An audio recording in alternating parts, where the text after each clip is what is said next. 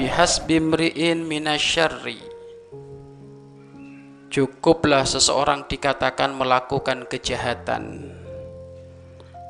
Ayah kira akhahul muslimu. Tatkala ia merendahkan saudara seimannya Saudara sesama muslimnya. Kejahatan itu bukan hanya memukul Mencuri Menghasut Menggosap bukan hanya itu saja. Akan tetapi termasuk juga bentuk kejahatan kalau sudah merendahkan dan menghinakan seseorang. Bahkan disebutkan dalam banyak penjelasan dari para ulama yang merendahkan atau menjatuhkan kehormatan seseorang maka dosanya lebih gede daripada ngerusak Ka'bah Ka'bah itu adalah simbol siar yang agung akan siar-siar Allah Subhanahu wa taala. Dan yang merusak Ka'bah dosa besar.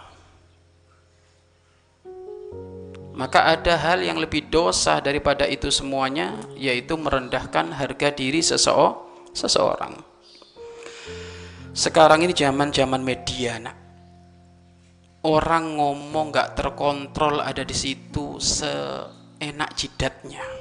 Tetapi ingat, di kanan kirimu ada malaikat rokib dan atid. Mereka semuanya itu malaikat akan siap menuntutmu jika engkau melakukan hal itu semuanya dalam irama merendahkan seseorang. Maka ayo media kita ini jangan sampai dilumuri dengan hal-hal yang tidak benar seperti itu.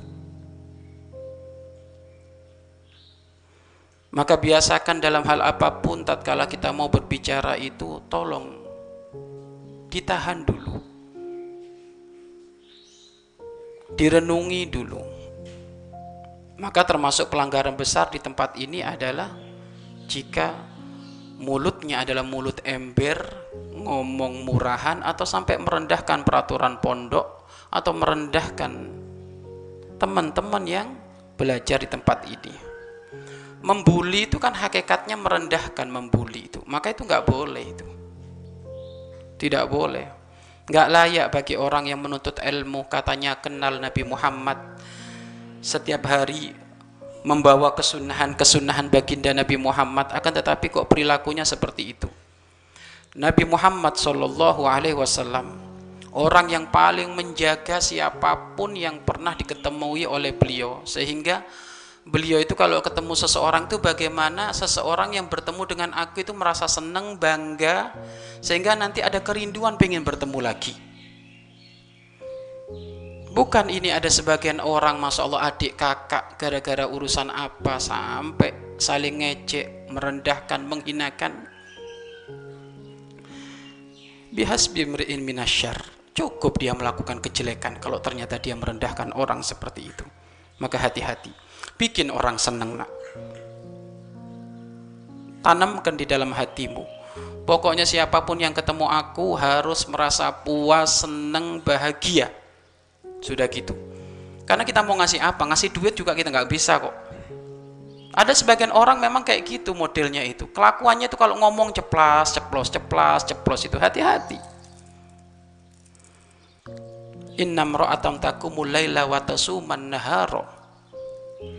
ada seorang perempuan, dia itu bangun malam rajin, puasa di siang hari juga rajin. Tetapi kata baginda agung Nabi Muhammad Shallallahu Alaihi Wasallam, fa innaha finnar, nyemplung neraka itu perempuan itu. Loh, kok bisa ya Rasulullah? Bukankah dia ahli bangun malam? Bukankah dia ahli puasa? Memang dia ahli puasa. Bangun malam sunnah, Puasa Senin Kemis, puasa Dawud selain Ramadan sunnah. Tapi dia telah melakukan sesuatu yang lebih besar akibatnya daripada itu semuanya. Apa ya Rasulullah? Dia telah menyakiti tetangganya dengan mulut kotornya itu. Kalau sudah ngomong dengan tetangganya nyelkit. Kalau sudah ngomong sama temennya nggak pernah dipikir, asal aja. Sehingga semuanya merasa tersakiti. Fa innaha finnar, masuk neraka dia. Bangun malam sunnah, puasa Senin Kemis, puasa Dawud sunnah, menjaga harga diri seseorang atau tidak bermaksiat kepada Allah dengan mulut, maka itu adalah hukumnya wa wajib. Makanya hati-hati semuanya. Ayo media kita ini kita pakai dengan media-media yang benar. Walaupun orang yang kita caci itu adalah memang layak untuk dicaci maki. Fir'aun orang yang kurang ajar dengan Allah layak kita caci tapi nggak ada perlunya kita mencaci maki Fir'aun sudahlah urusan dia dengan Allah Artinya apa? Tidak akan eh, tidak tidak akan ada tuntutan di hadapan Allah Subhanahu wa taala kenapa kamu tidak mencaci Firaun? Enggak ada tuntutan kayak gitu itu. Enggak ada. Makanya ayo ya jaga. Kok edanya pokoknya itu khalul surur, ketemu siapa pun senengkan dia, bahagiakan dia, senengkan bahagiakan. Nyenengin orang itu bukan dengan fulus, tapi cukup dengan akhlakmu, tutur kata yang baik, yang indah, manggil dengan nama yang disenangi saja itu sudah Masya Allah pahalanya gede.